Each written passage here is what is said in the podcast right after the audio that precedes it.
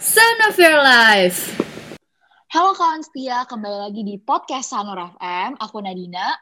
Aku Rachel. Berhubung kita ada di bulan kemerdekaan, akhirnya kita sempat kepikiran ada beberapa hal yang setelah dilihat-lihat cuma ada di Indo doang nih. Wah, iya bener banget. Sekalian biar, apa ya, sensasi merayakan kemerdekaan Indonesia-nya tuh masih ada banget. Jadi kita bahas-bahas yang identik tentang Indonesia. Nah, kalau gue pribadi ya, Rich, kayaknya gue tuh lebih identik tuh kalau misalnya tentang Indonesia tuh kayaknya makanannya. Makanan Indonesia tuh kayak punya tempat spesial banget di hati gue. Oke, gue mau nanya. Ini kan udah siang nih. Hmm. Lo siang ini makan apa kalau gue boleh tahu? Siang ini gue makan makan nasi. Apa pun tuh gue pasti makan harus pakai nasi sih. Lu apa Nat? Sama banget. Gue tadi makan nasi goreng. Tapi emang bener sih. Kayaknya tuh juga itu identik justru dengan Indo. Orang Indonesia tuh kayaknya belum makan kalau belum ada nasi. Ya nggak sih? Hah, bener banget. Bahkan kalau misalnya kita makan Indomie, apa-apa juga tetap kita pasangin sama nasi gak sih Nat?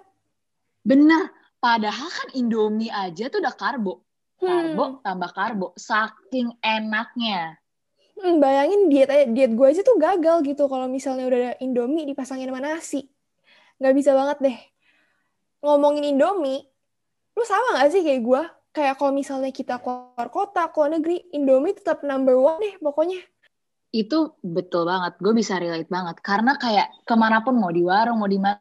Pokoknya kayak comfort foodnya orang Indonesia kali ya. Itu tuh pasti Indomie. Bahkan ya, setahu gue tuh orang-orang luar negeri gitu loh. Yang kalau misalnya mau disuruh coba Indomie, mereka semua tuh responnya hampir mayoritas tuh positif. Kayak mereka bener-bener suka banget sama Indomie. Haha, bener banget sih. Oh, satu hal lagi. Lu tuh nyadar gak sih kalau kalau misalnya lu di restoran gitu, pasti selalu ada sambal and kerupuk di meja. Itu udah pasti banget, ya gak sih? Iya, parah kayak pasti. Bahkan tuh gue inget banget identiknya kayak fast food fast foodnya Indonesia yang maksudnya kayak bukan produksi Indonesia. Pasti kalau di Indonesia ada edisi spesialnya yaitu saus sambelnya. Itu tuh identik banget kayak orang Indonesia tuh nggak bisa makan kalau nggak ada rasa pedes-pedesnya gitu. Hmm, bener banget. Oh, satu hal lagi, bokap gue tuh cerita, dulu kan dia nggak sekolah di Indo kan. Nah, kalau kata dia ya, biasanya dia makan McD di luar negeri gitu. Nah, di luar negeri tuh nggak ada nih yang namanya sambel. Sedangkan di Indonesia, apa-apa selalu ada sambel, ya kan? Bener, gue inget banget sih waktu itu gue juga pernah pergi ke luar negeri gitu. Kayak apa ya? Enak sih makanannya. Gue nggak bilang nggak enak, emang enak. Cuman kayak ada yang kurang hambar aja gitu loh. Agak Hmm. kurang ya itu ya gue baru nyadar. Sambel itu emang udah identik banget lah sama Indonesia. Bener banget sih, emang sambal Indonesia tuh emang enak banget. Ya karena ya rempah-rempah di Indonesia kan ada banyak banget. Betul, betul, betul. Nah, misalnya kalau ingat tentang pelajaran sejarah Indonesia, tahu rempah Indonesia itu menjadi keunggulan negara kita sendiri. Bayangin berapa banyak para negara-negara kolonial yang merebut, yang berusaha menjajah Indonesia, karena ya itu dia, keunggulannya kita dari rempah-rempahnya. Di no wonder kalau misalnya orang Indonesia tuh addicted banget sama sambal, makanan-makanan berbumbu lah. Ya karena ya rempah-rempahnya kita itu emang ciri khas TOPBGT lah. Hmm, bener banget. Eh, tapi kayak ada yang kurang gak sih, Nat? Kayak kalau cuma makan pakai nasi, indomie, sambal, kerupuk, kayak ada yang kurang. Hmm, gue tau, gue tau, gue tau. Makan pakai tangan, Nat, itu gak tau kenapa ya. Kayak kalau makan pakai tangan, itu makanannya rasanya seribu kali lebih enak, ya gak sih? Bener-bener, sumpah. Gue inget banget, terutama apa ya, paling identik makan pakai tangan. Gue inget banget, ah, makanan Hmm. Padang. Gue sempet lihat tuh waktu itu di internet. Pokoknya kayak ada orang yang bilang kalau dia makan makanan Padang tuh pakai sendok garpu. Wah, maaf banget, tapi dia kayaknya langsung di cancel deh di waktu itu di internet karena kayak tabu banget gak sih makan makanan Padang pakai sendok sama garpu. Ya emang kadang tuh kalau misalnya orang Indo merasa makan pakai tangan itu justru jadi yang bikin makanannya justru tambah enak gitu loh. Hmm, gue setuju banget sih. Gue gak tau kenapa ya, kalau misalnya pakai sendok garpu tuh kurang aja gitu, kurang. Kalau makan pakai tangan, wah feel-nya beda sih, beda.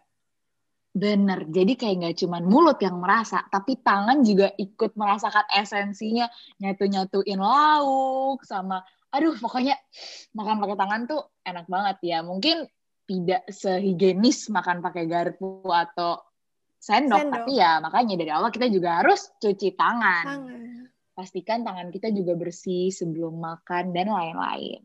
Nah, ngomong-ngomong soal makan-makan, kita dari tadi ngomongin makanannya, kita coba bahas yang kalau ada di Indonesia doang, tuh rumah makan, warteg, pedagang kaki lima, tuh yang selalu ada di jalanan. Ini gue aja, tapi lu juga merasa gitu gak sih, Rich? Bener banget, gue ngerasa banget. Misalnya nih ya, gue lagi di lampu merah. Itu bahkan di lampu merah aja, itu pasti banyak banget gak sih pedagang yang jualan kacang, gorengan. Banyak banget deh pokoknya pasti. Apalagi kalau misalnya kita misalnya kita ke daerah-daerah kecil atau enggak bahkan di kota pun kayak pasti lu lihat gak sih samping-sampingnya pasti ada warung, warteg, pokoknya rumah makan rumah makan gitu. Kayak lu nggak bisa deh nggak ngeliat rumah makan. Betul. Pokoknya kayak apa ya? Rasanya tuh warga-warga Indonesia tuh pokoknya emang ciri khasnya tuh ya makanan. Magnet nomor satu kita tuh adalah makanan. Jadi bener-bener terjejer banget tuh. Mau di mana pun kita berada. Pokoknya yang namanya, aduh mulai dari rumah makan, warteg, pedagang kaki lima, semua tersedia. Makan-makan dah tuh. Kenyang-kenyang dah tuh. Bener, Nat. Ngomong soal sejajar-sejajar dan banyak gitu, lu ngerasa gak sih kayak zaman sekarang, di mana-mana, lu pasti nemuin coffee shop. Ya gak sih? Astaga, iya bener banget. Ya ampun, di rumah gue aja yang kadang-kadang tuh, gue tuh daerah Jakarta Timur ya. Gue tuh kadang ngerasa kayak, aduh, dikit banget sih kayak makanan aneh-aneh di sini yang kayak bukan aneh maksudnya makanan-makanan yang unik yang mungkin kalau di area Jakarta Pusat lebih banyak gitu. Kalau di Jakarta Timur tuh menurut gue tuh suka lebih dikit gitu loh macam-macam hmm. makanannya. Tapi daerah gue yang gue suka merasa gitu aja, coffee shop tetap tersedia dan bukan cuma tersedia aja, banyak berjajar-jajar dari tuh coffee shop. Kenapa ya? Kayak lu juga ngerasa gak sih zaman sekarang tuh kafe-kafe estetik tuh banyak banget kayak misalnya lagi up tuh apa gitu kita datengin cuma buat foto. Nah mungkin karena itu kali ya jadinya berjajaran banget nih coffee shop di mana pun kayaknya gue juga ngerasa gitu sih Rich karena gue juga ngerasa ya sebenarnya ya ini coffee shop bertebaran di mana pun. Tapi sebenarnya kadang-kadang konsep yang digarap sama coffee shop sendiri itu tuh sama semua yang kayak estetik estetik yang konsepnya ya pokoknya yang kayak minimalis gimana gitu. Hmm. tapi ya ada aja pokoknya yang baru. Dan ya itu coffee shop. Terus abis itu kayak nama-namanya tuh yang pokoknya nama-nama coffee shop ya unik-unik gitu hmm. sih. Hmm, bener banget Nat. Tapi bukannya gue mau jelekin atau gimana ya. Ya rasanya ya sama-sama aja gak sih? Kayak ya kopi ya kopi, kayak there's nothing special. Cuman ya kadang-kadang emang tempat-tempat coffee shop itu emang lucu-lucu aja sih buat lu datengin buat foto gitu. Yes, bener esensi nongkrongnya juga kali ya tuh yang bener-bener kayaknya orang Indonesia tuh suka banget berkumpul kan nongkrong-nongkrong sama teman-teman ketawa ketiwi curhat. Memang kayaknya asik banget sih ya kalau misalnya di coffee shop gitu. Bener sih bener banget sih Nat. Gue setuju banget. Eh tapi uh, satu hal lagi nih yang menurut gue cuma ada di Indonesia yang wajib banget kita bahas itu angkot bertebaran di mana-mana juga gak sih? Angkot ngetem di A, di B, di C, itu pasti lu ngeliat terus gak sih? Aduh, iya, sumpah jujur maaf banget. Kadang-kadang tuh gue bahkan suka kayak naik pitam sendiri kalau misalnya lagi yang kayak gue belum nyetir sih. Cuman kadang-kadang misalnya kayak lagi tengah jalan ngerem mendadak gitu karena angkot tiba-tiba ngetem di pinggir jalan seenaknya. Ya sebenarnya kayak gue tahu angkot emang bener-bener berguna ya sebagai transportasi umum banyak juga yang kebantu yang emang menggunakan angkot dalam daily life mereka. Tapi kadang-kadang sikap yang suka ngetem tiba-tiba itu loh tengah jalan yang kayak nggak tahu sikon sekitar, ya kadang-kadang menurut gue suka berbahaya aja karena kan juga ada pengguna jalan yang lain.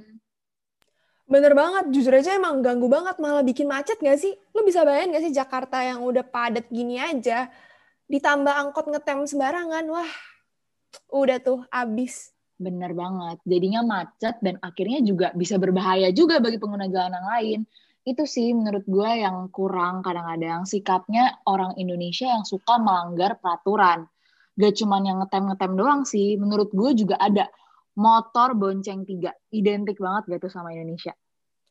Wah, kalau motor bonceng tiga, gue speechless sih. Gue hampir nemuin di mana-mana gitu. Cewek-cewek bertiga naik motor itu wah sering banget sih Nat nemuin motor bonceng tiga. Nah tapi kalau di jalanan satu hal lagi nih yang bikin gue nggak bisa stop ngeliat jalanan adalah truk-truk yang ada kata-kata bijak, Nat. Ya nggak sih? Iya bener banget.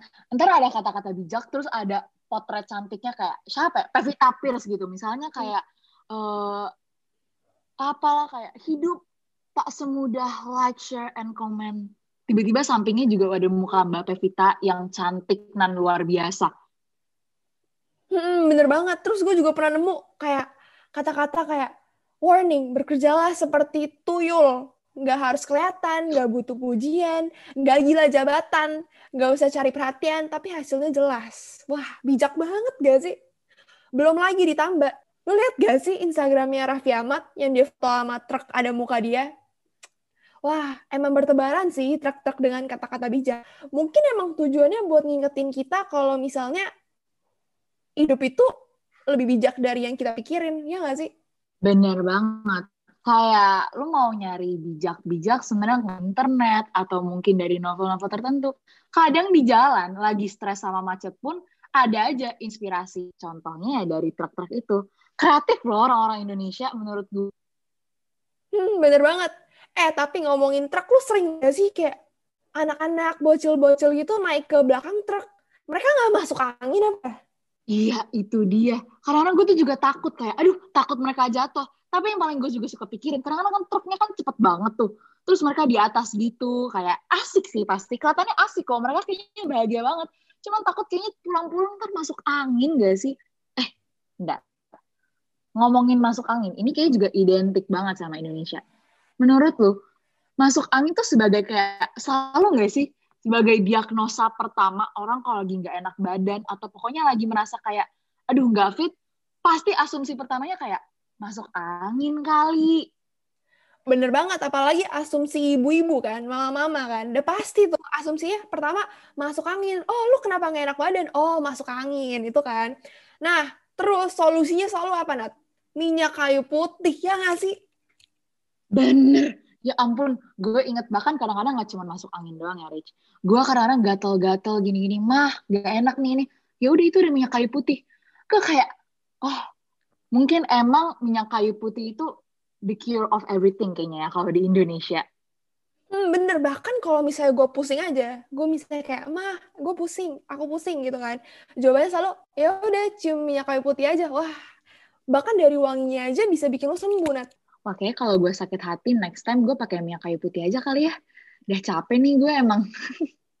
Ampuh sih, boleh banget dicoba. Nah, satu lagi, kalau masuk angin, gue sering banget ngeliat orang Indonesia tuh kerokan, pakai koin, ya gak sih? Ya ampun, kayaknya kalau misalnya mbak sama supir gue tuh tiba-tiba, maaf banget ya nih, gue lagi misalnya lagi kayak jalan gitu deket kanan mereka dan lain-lain, tiba-tiba, aduh maaf banget, gue udah denger mereka kadang-kadang sendawa, uh, uh. Nah. Gue kayak, mbak, mas kenapa? Lagi dikerok. Dan kadang-kadang tuh jujur ya dulu gue pas waktu kecil gue tuh takut banget loh ngelihat kerokan gitu. Karena kayak merah-merah terus habis itu kayak ada bekas-bekasnya. Kelihatan perih gak sih? Lu sendiri pernah nggak dikerok? Gue pernah sih waktu kecil tuh kan udah gue bilang kan masuk angin kalau misalnya minyak kayu putih nggak ampuh ya kerokan gitu kan. Solusinya cuma itu doang. Pasti pernah sih. Wah jujur aja gue nggak suka sih rasanya. Dan kalau merah-merah gitu rada serem gak sih lo liatnya? Dan merah-merah itu aja sebenarnya udah lebih lebih ampuh dari diagnosa, diagnosa dokter loh. Kayak kalau misalnya mama-mama lu dikerok gitu kan merah-merah gitu udah kayak oh ini pasti masuk angin nih. Kalau makin merah makin sakit artinya. Iya gue inget banget teori itu. Tapi gue udah cerita nih. Mungkin kayak saking ampuhnya kerokan the thought of kerokan aja tuh bisa menyembuhkan loh jadi gue waktu itu pas kecil, karena gue udah bilang kan, gue tuh takut banget dikerok. Gue ngeliat orang dikerok, punggung mereka gimana, dan lain-lain tuh gue jujur ngeri sendiri. Waktu itu gue pernah masuk angin, bener-bener sampai kayak mual-mual kata nyokap gue, gue inget banget.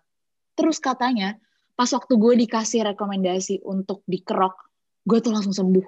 Karena mungkin takut, jadi gue ngerasa kayak, oke, okay, kalau gue gak sembuh, gue dikerok. In which gue gak mau. Jadi gue langsung sembuh, kata nyokap gue. Bener sih, bener sih. Itu kayak solusi dari apa pun ya sih, Nat? Bahkan lu dengernya aja bisa sembuh. Kayaknya emang se-magical itu gak sih?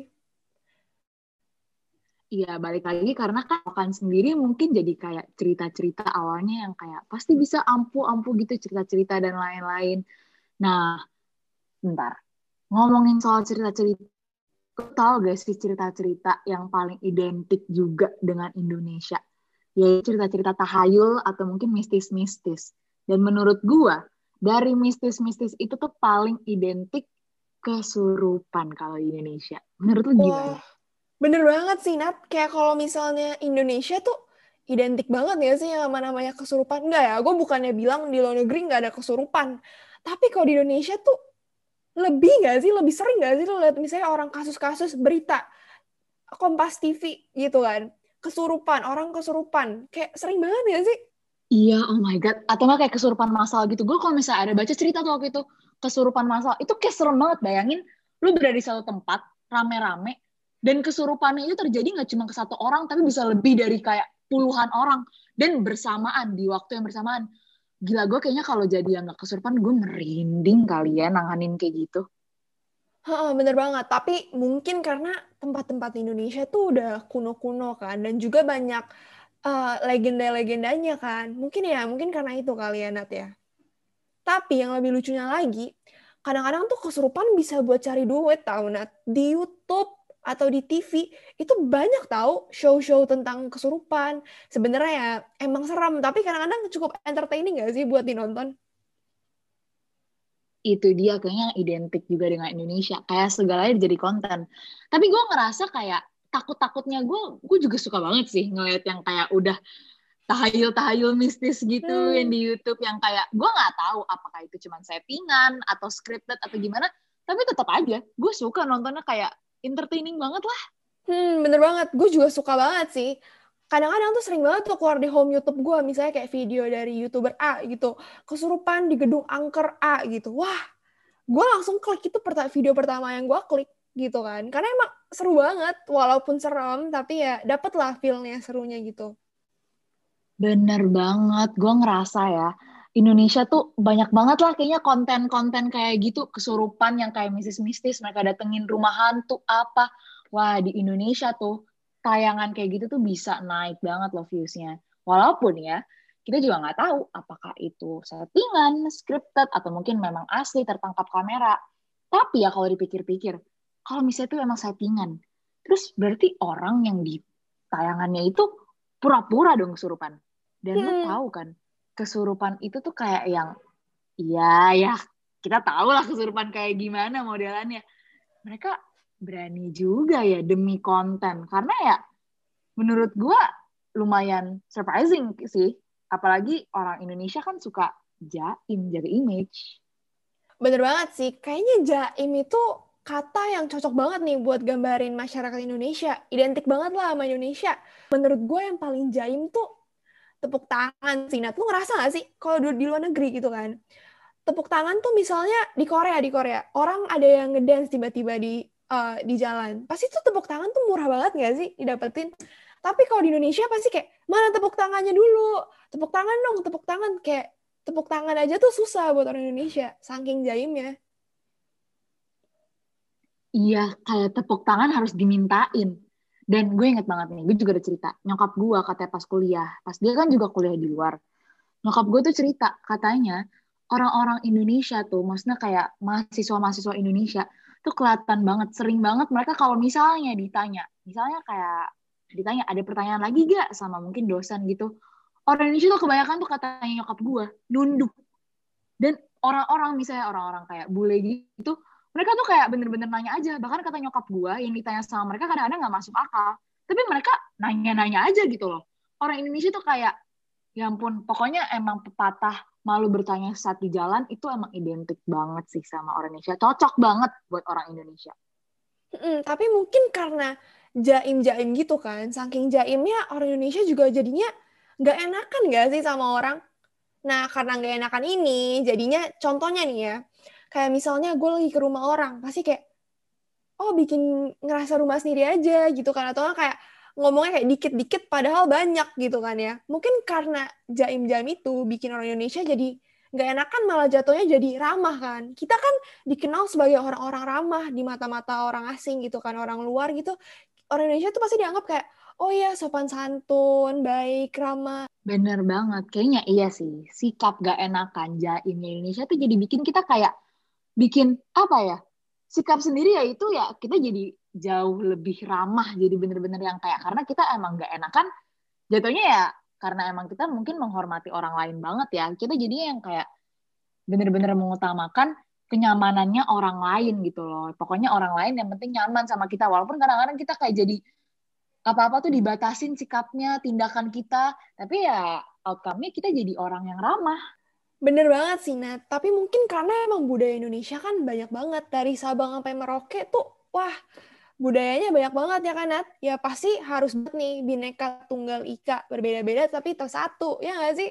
Betul banget. Padahal ya nih, kalau misalnya dari kacamata gue, dari penglihatan gue, budaya-budaya di Indonesia tuh bener-bener berbeda banget loh. Kayak unik-unik banget lah masing-masing. Ada kesamaan ya, kita orang Indonesia gitu, semuanya sama Cuman pokoknya budaya-budaya Indonesia tuh bener-bener unik masing-masing tuh punya ciri khasnya, plus-plusnya ya mungkin ada minusnya juga masing-masing yang bikin kita berbeda-beda. Tapi tetap aja tuh gue lihat orang-orang Indonesia tuh selalu bisa menerima satu sama lain walaupun dengan perbedaan-perbedaan yang kita punya. Karena kenapa? Orang-orang Indonesia itu punya rasa toleransi yang tinggi. Makanya, walaupun kita berbeda-beda, tapi tetap satu. Bener banget tadi kata lo, Rich. Bineka Tunggal Ika. Sikap-sikap jaim dan gak enakannya orang Indonesia ini yang justru bikin kita jadi makin lebih ramah kan kayak seperti kata lu tadi gue punya cerita nih pernah nih sekali gue lagi luar negeri dan gue lagi makan di sana nah di meja makan itu uh, pelayan-pelayan datang itu naro piring aja itu bener-bener kayak ngebanting barang. Nah di sana tuh gue tahu kayak wah ternyata selama ini di Indonesia tuh orang-orang di Indonesia jauh lebih ramah ya gitu ya. Beda aja sih itu gue bisa rasain banget sih lagi ya gue juga orang Indonesia selalu tinggal di Indonesia dari gue lahir sampai sekarang gue ngerasa banget orang Indonesia itu ya mungkin kadang-kadang gak enakan jaimnya ya bisa berujung ke hal yang cukup merugikan tapi menurut gue itu juga ada dampak positifnya ya kita jadi jauh lebih ramah jauh lebih menghormati orang lain jadi mengutamakan orang lain juga nah hmm, kita masih tentang Indonesia nih ya seputar-seputar Indonesia dan oh kan kita masih bulan Agustus nih, masih bulan kemerdekaan. Kemarin banget nih ya, tanggal 17. Lo ikut lomba-lombaan 17-an gak, Rich? Ikut dong.